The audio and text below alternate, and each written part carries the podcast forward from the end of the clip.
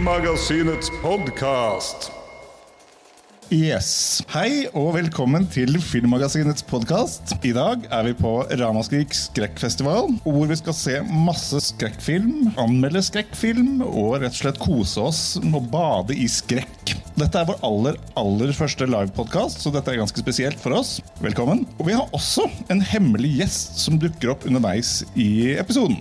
Men først, hvem er vi to nissene som sitter her oppe? Kan begynne, skal jeg være litt egoistisk og kjip og begynne med meg sjæl. I hovedsak fordi jeg er produsent og eh, programleder for showet. Så kommer vi til Madeleine etterpå. Eh, Jeg heter Tor Aaberg. Jeg eh, er på mange måter Filmmagasinets weird shit guy. Jeg får de rare, skrudde filmene andre folk ikke helst vil se.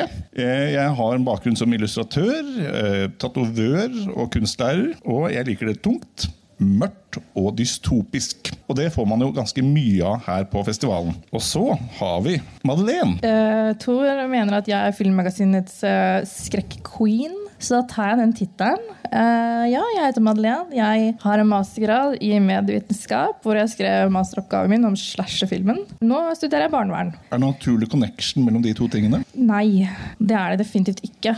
Men jeg, etter å ha sett Speak No Evil på nytt etter å ha begynt å studere barnevern, så syns jeg den var enda verre. Ikke noe barnevernshorror, altså. Nei, jeg vil helst unngå å se film med barn, faktisk. Det gjør vondt. Den skjønner jeg. Du har jo skrevet om The Final Girl. Du Ja, er glad i overlevende ofre når du først skal se på film. Ja, jeg heier på hun som overlever, som man burde gjøre. Det er da jeg ikke burde si at jeg heier på morderne. Men nei da. Ja, men det ikke er deg. Ja, men det er jo veldig gøy å jobbe i Filmmagasinet. Vi gjør egentlig forferdelig mye forskjellige morsomme ting. Det er veldig gøy å skrive anmeldelser, og vi tar intervju med folk, og vi lager podkast, sånn som det her. Og vi møter faktisk veldig mange kreative og interessante mennesker i denne jobben her, så det er veldig gøy.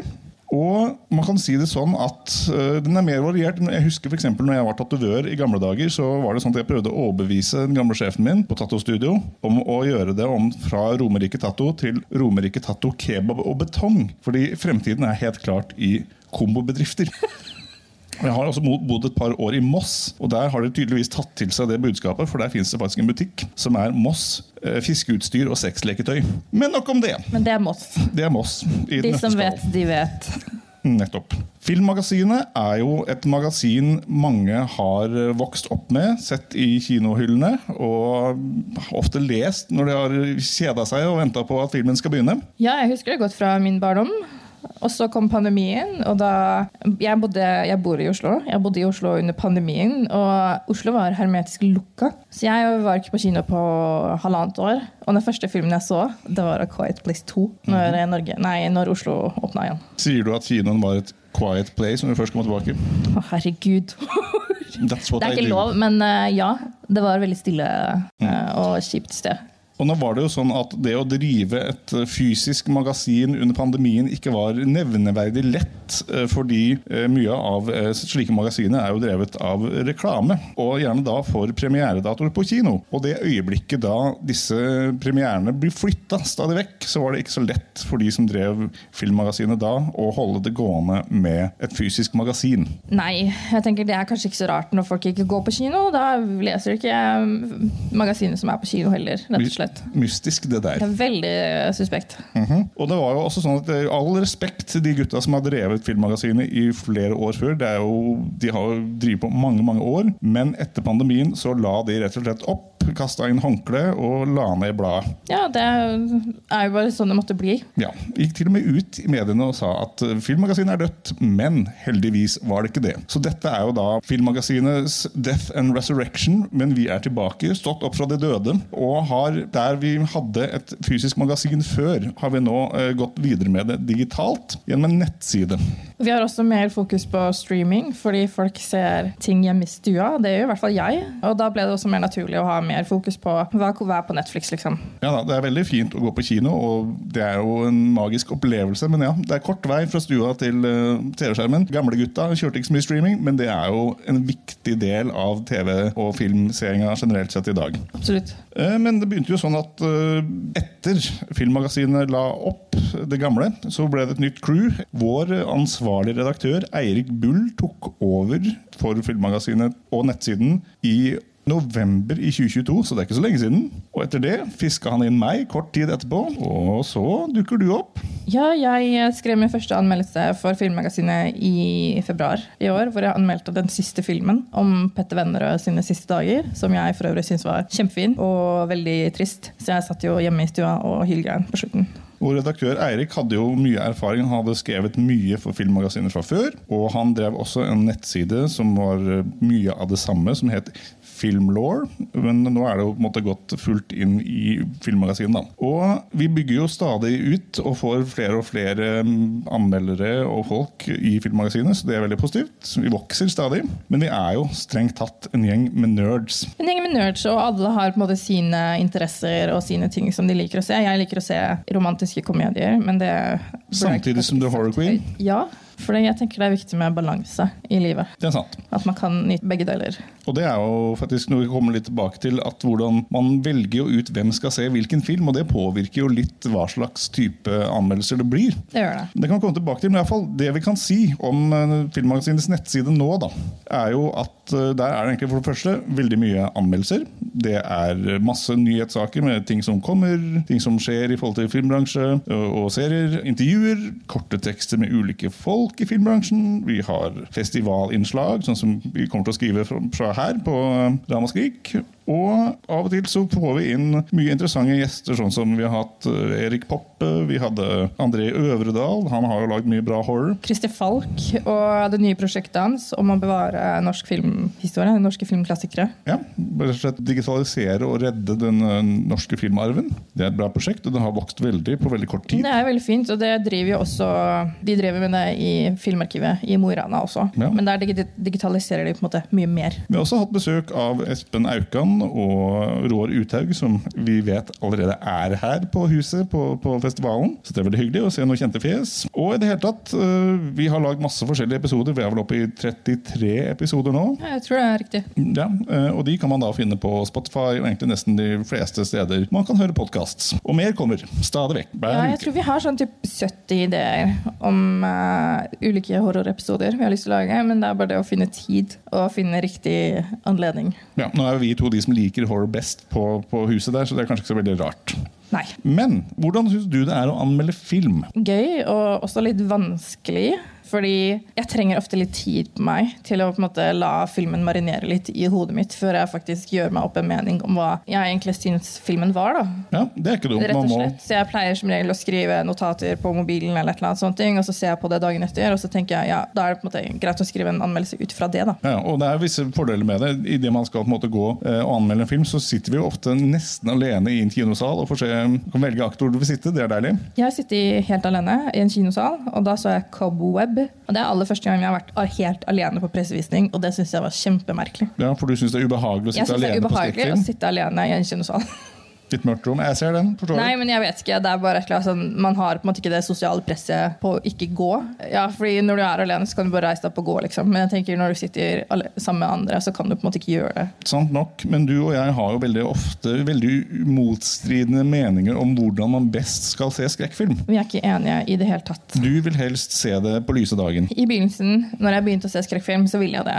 Eh, og også de verste skrekkfilmene vil jeg gjerne se eh, midt på lyse dagen. Og så vil jeg gjerne se noe hyggelig etterpå. Jeg vil se en Disney-animasjonsfilm eller et eller annet. Der er vi veldig forskjellige, for jeg vil helst sitte i et mørkt hus, gjerne litt sånn gammelt og knirkete. Jeg vil ha ulende vind ute. Jeg vil ha gjerne litt kaldt. Jeg drikker litt for mye kaffe. Og rett og slett føle, føle på ubehaget og frykten. Det, det, som- det føler jeg er den ideelle horroropplevelsen for min del. Altså, jeg er ikke uenig, men jeg tenker det kommer litt an på hva det er av horror jeg skal se. Hvis jeg skal se noe jeg vet jeg blir skikkelig skremt av, så vil jeg se det på dagen. Ja, ja. Og så er det jo det vi nevnte i stad med at uh, anmeldelser er jo litt subjektivt. Det er jo ut ifra hvem som ser hva. Ja. Så kommer det, Det veldig an på hva slags anmeldelser det blir. Du og jeg er ikke alltid enige. Vi er veldig ofte veldig uenige.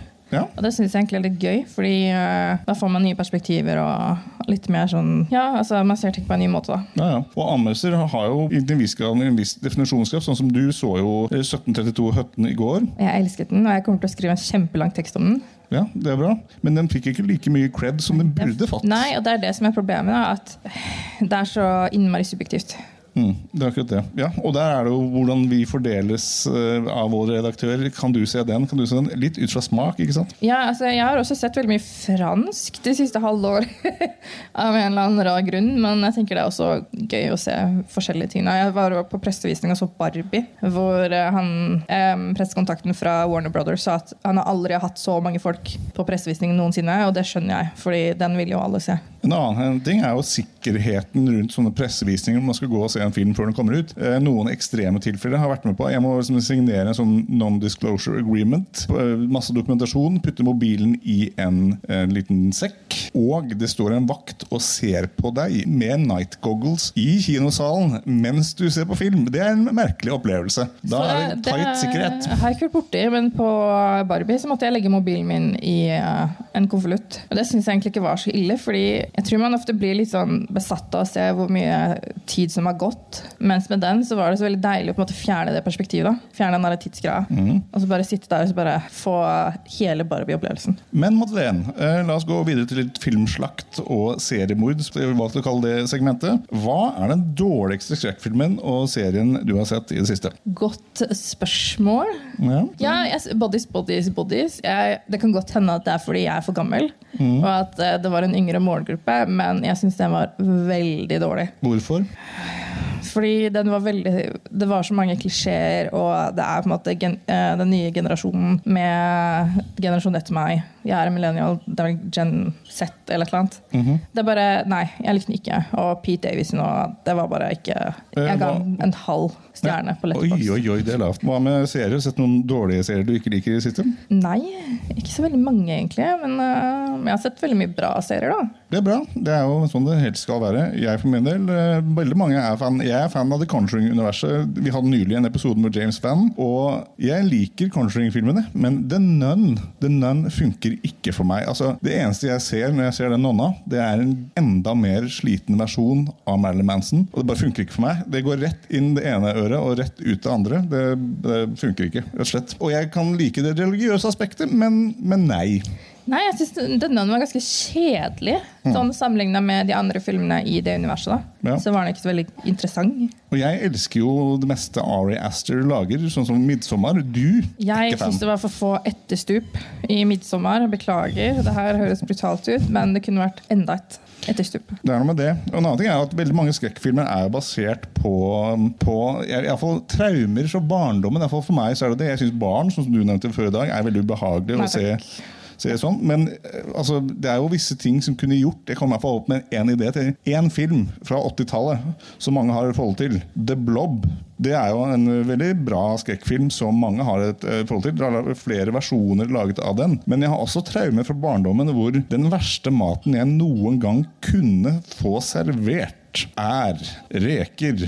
Egg, erter og all verdens sånne ting slengt inn i aspikk. Bare se for deg hvor mye verre The Blob-filmen hadde vært hvis det var et kabaretmonster. Da hadde jeg blitt enda mer skremt. Faen, deg og den aspikken din, ass. Mhm. Ikke glad i aspik.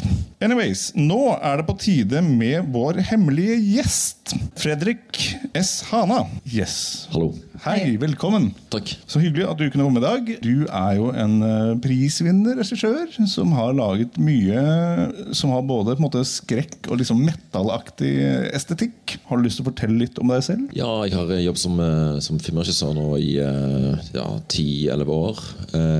Mest i korte formater, musikkvideoer og kortfilmer og én dokumentar. Så ja, jeg har vært litt sånn varierte formater. Men alt måte er jo inspirert av og veldig sånn ladet av min kjærlighet til sjangerfilmer. Ja, ja det, det syns tydelig. Veldig gritty og mørkt. Og jeg, jeg liker det veldig godt. Det er veldig tøft. Og du har for eksempel, Vi kan begynne med filmen eh, From Beyond. Eh, Du har laget flere andre kortfilmer, men kan du fortelle litt om From Beyond? Hvordan det prosjektet kom på beina, og hvordan, eh, hva det handler om? Um, From Beyond var måte, mitt forsøk å prøve å uh, gjøre noe litt interessant med fun footage og mockumentary. uh, fortellerstilen. Det er en måte en sjanger som jeg, som jeg liker liker, men jeg liker mer deler av det. Fordi jeg syns det er interessant å eksperimentere med dokumentarisk eh, filmspråk i møte med spesialeffekter og sånne ting. Så var det en, en tanke om å uh, lage et uttrykk som var mer fragmentarisk. Jeg, jeg kalte det for en mixtape når jeg lagde filmen. Uh, og prøve å, å, lage slags, sånn, et globalt perspektiv av menneskets møte med det utomjordiske, som da filmen handler om. Hvordan reagerte du når du så den, Madeleine? Jeg syns den er veldig kul.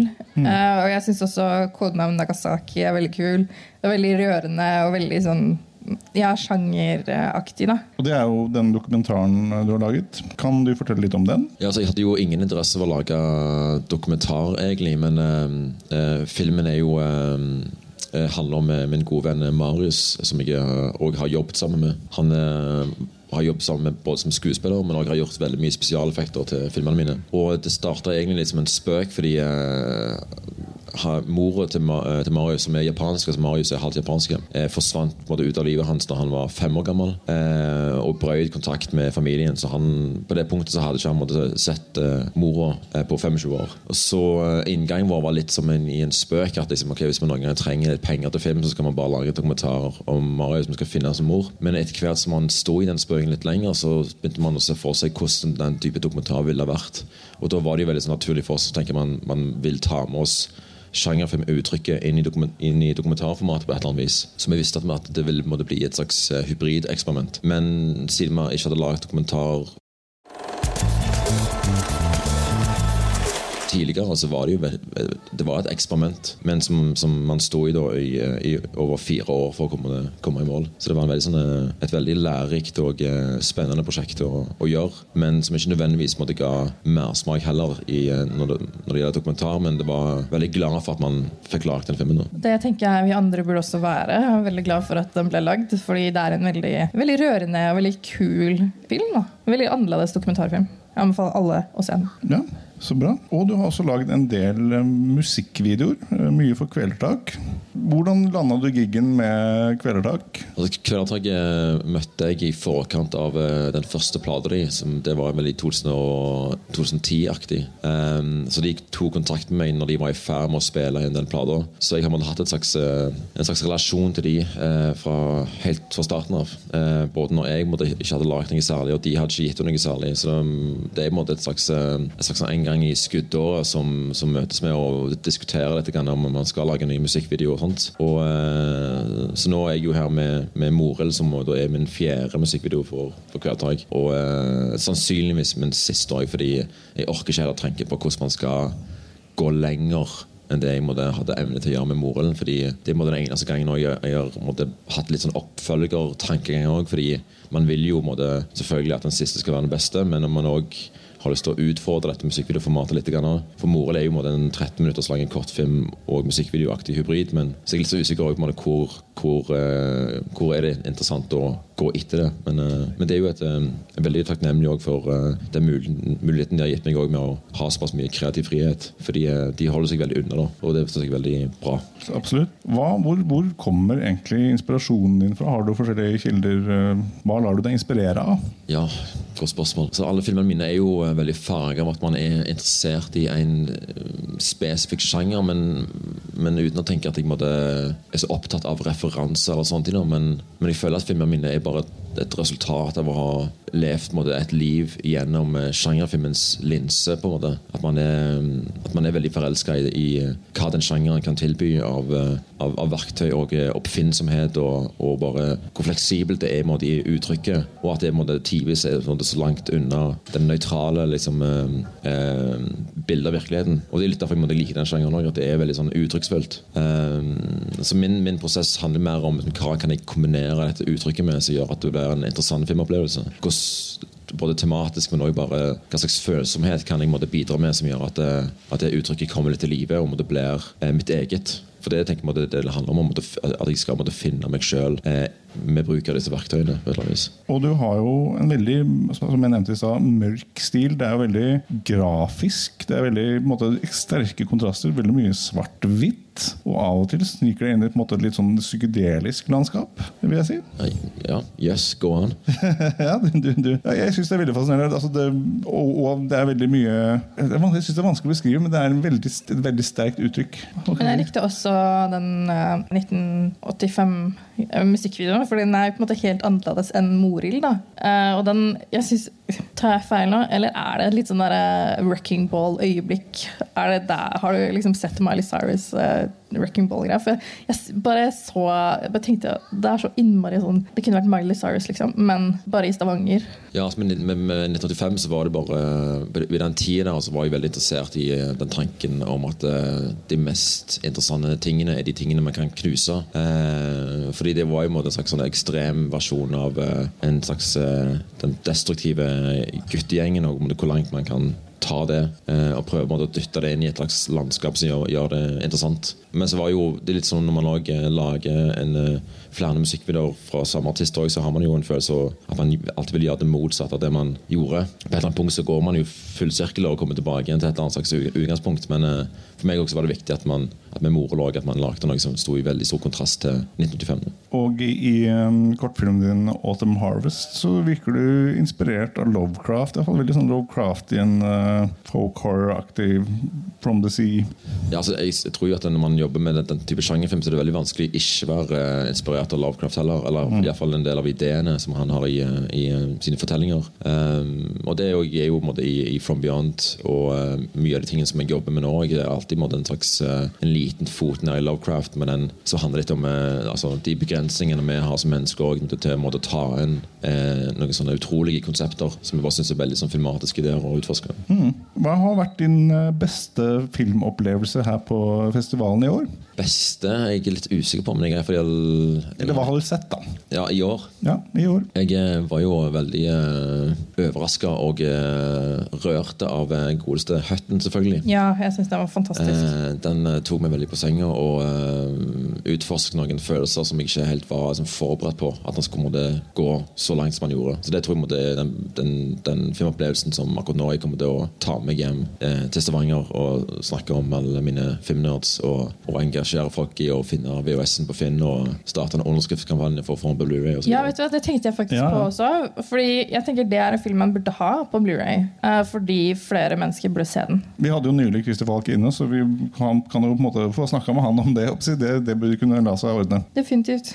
Noen andre gode filmopplevelser? Altså På uh, Ramaskrik for et par år siden så hadde jeg en veldig sånn, intense filmopplevelse. Fordi uh, jeg var på en visning ti om morgenen på en søndag og var veldig bakfull og ømfintlig og veldig mottakelig for uh, alt, egentlig. Og da så jeg en film som heter The Sadness. Fra- Jeg, jeg visste at jeg kom Ja. til å se den. Det var så mye prat om den. Ja, og det gjorde eh, inntrykk, altså. Men som sagt, jeg var veldig sårbar sårbare og angrer veldig på at jeg måtte så den filmen eh, klokka ti. Og, eh, og slei liksom med søvnen den natten på grunn av det. Og det er noe jeg ikke har, ikke har gjort siden jeg var barn. Så det var jo liksom både en slags en, en, en blanding av en nostalgisk følelse, men også en slags mini-traume. da. Ja, altså Eh, jeg, jeg føler den. Jeg hadde samme opplevelse når jeg så The Deep House. Den uh, fransk-kanadiske undervannsfilmen. Da fikk jeg heller ikke sove. rett og slett. Og da tror jeg også jeg var litt sånn sårbar, litt sånn, som du sier da, når du så The Sadness. Jeg skal jo se. Coffee Table etterpå, som jeg har fått høre skal være forferdelig grusom å se. Så den eh, gleder jeg meg til å, se. og se Om jeg blir påvirka eller ikke. Vi, vi, vi får se. Eh, Vi kan bare håpe på en liten minitraume på årets Ramaskrik-festival. ja, ja, altså, jeg føler at det blir feil å ikke gå herfra med litt traumer. Nei, altså, Det er jo Tor sin første gang på Ramaskrik. Jeg tror det er mitt fjerde år her. Og du satt jo i programrådet Jeg før også sitter i programrådet, som Fredrik også sitter i. da. Mm. Eh, og det blir ikke festival uten at man har en natt hvor man sover litt dårlig. Og sånn er det bare, liksom. Hva, hva vil du si er dine beste filmopplevelser så langt på festivalen, Madeleine? Det må jo være The Deep House, da. Fordi det var satt så innmari inntrykk. Det var så gøy å se In the Earth. Men Er det fra i Eh, år? det var i fjor. Ja, ok, ok. Men i år, da? I år så har jeg, har egentlig bare sett en film, ja, for jeg har gjort så mye annet. Og det er Høtten. Det er definitivt den beste filmopplevelsen jeg har hatt.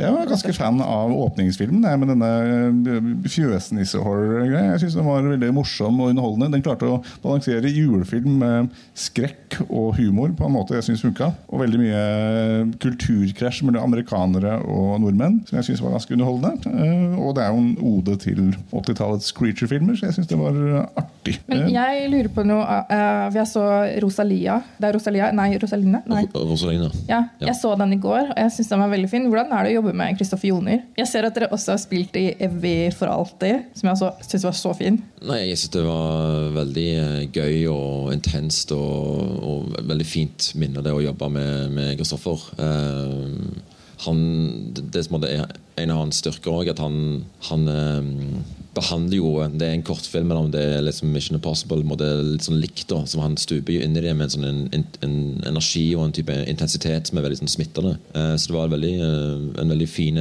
tiår tid det med å jobbe med han på den filmen. fordi eh, da hadde han egentlig akkurat kommet fra skjelvet med en eh, brukken fot og lå hjemme ganske lenge. og Da var det liksom, da kunne man eh, hive et eller annet kortfilmmanus på han. og ja, Så når han måtte, var fysisk måtte god nok, så, så lagde vi den filmen og skjøt den på to dager. og eh, med et ve veldig veldig lite budsjett. Men han, liksom, han ja, ga virkelig veldig mye da, til den filmen. Det syns, det syns at her er det en regissør og skuespillere som på en måte har et, Det er et bånd mellom de, liksom. Og det kommer veldig tydelig frem. Det er veldig fint å se. Jeg likte den så godt. Har du noen tips til eventuelle Og dette er et spørsmål jeg veldig ofte stiller når jeg har regissører på podkasten. Har du noen tips til unge regissører som ønsker å på en måte komme seg inn i bransjen og ja, vil lage film?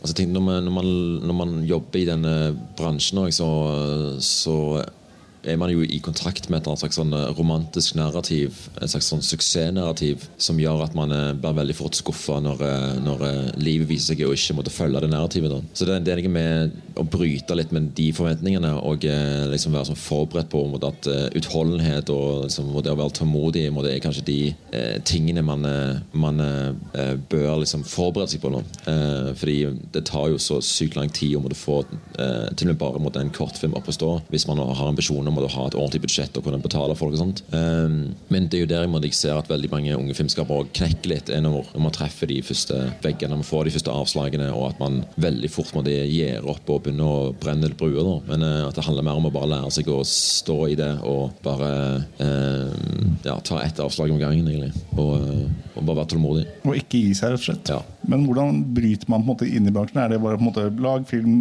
legg, måte, send det ut, se som, om noen biter? Nei, altså Jeg føler ikke egentlig at jeg har måttet brøte ut i bransjen sjøl, men, eh, men jeg er såpass i min egen verden, i si, min egen by, med mine egne folk, og jeg prøver prøve ikke å tenke så veldig mye på på det. Jeg tenker ikke så veldig mye på hvordan man når ut egentlig i Norge. Jeg er mer interessert i hvordan man kan nå ut internasjonalt og filmfestivaler og sånne ting. Men det er måte, et nettverk som man må bruke, altså bygge litt sånn gradvis med å reise og være ute og treffe folk. Og, så det er kanskje noe det med å, å, å reise og møte folk som er viktig. da. For det har, måte, har tjent meg veldig godt om å kunne bygge det, det nettverket. Og være en fyr som, som eh, alltid har en, en film hvert år, og at eh, folk kan treffe igjen. og ja. Så det er kanskje måte, bare å være ute og reise som er viktig. Mm, viktig med nye impulser. Og Hva er planene dine framover? Er det noen nye prosjekter på gang? Ja, Nå jobber jeg med et, eh, et spillefilmprosjekt og faktisk en ny dokumentar, selv om jeg sa jeg ikke skulle lage en til. Men eh, også holder jeg også på å utvikle en kortfilm som jeg skal skyte neste år. Er det noen av de tingene du kan snakke om, eller er dette sånn hysj-hysj?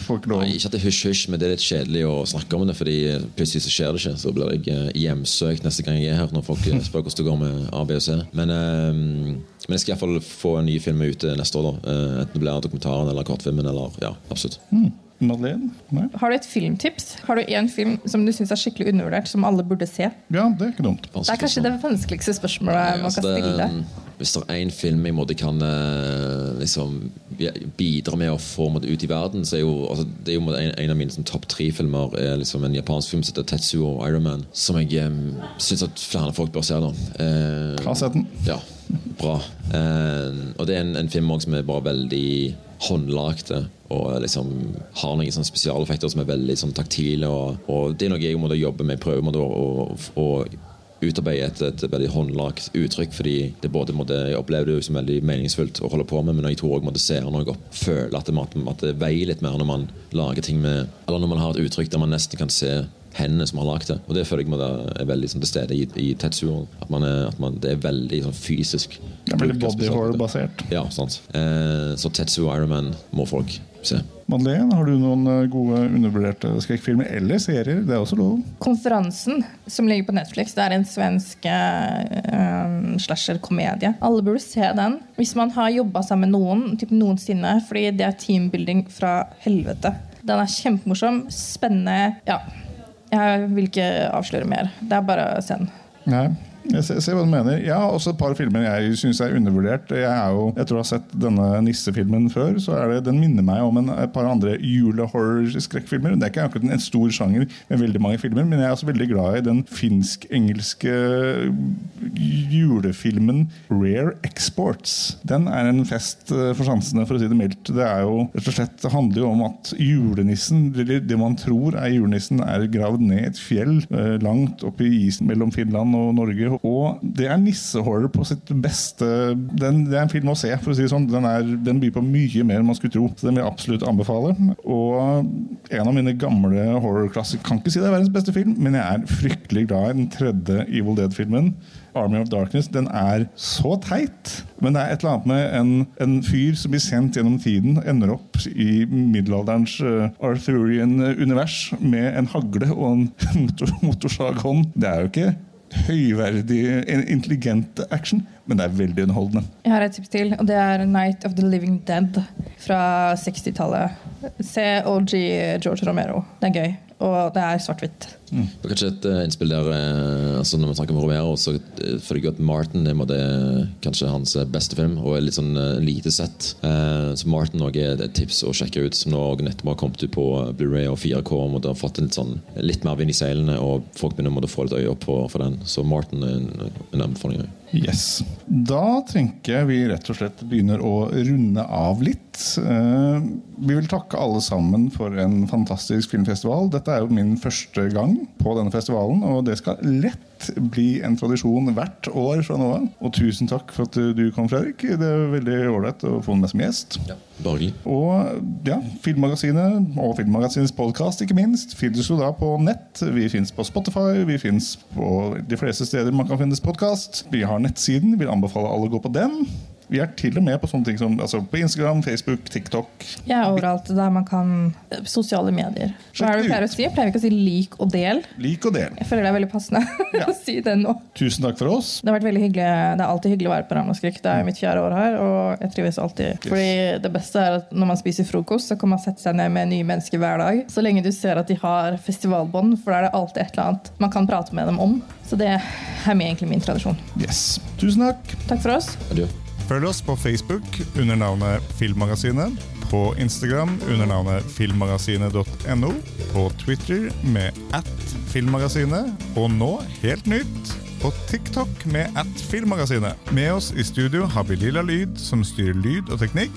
Introvinetten er laget av Francesco Hygen Pudo. Tusen takk til Bauer Media for godt samarbeid og utlån av studio. Ansvarlig redaktør for Filmmagasinet er Eirik Bull, og mitt navn er Tor Aaberg.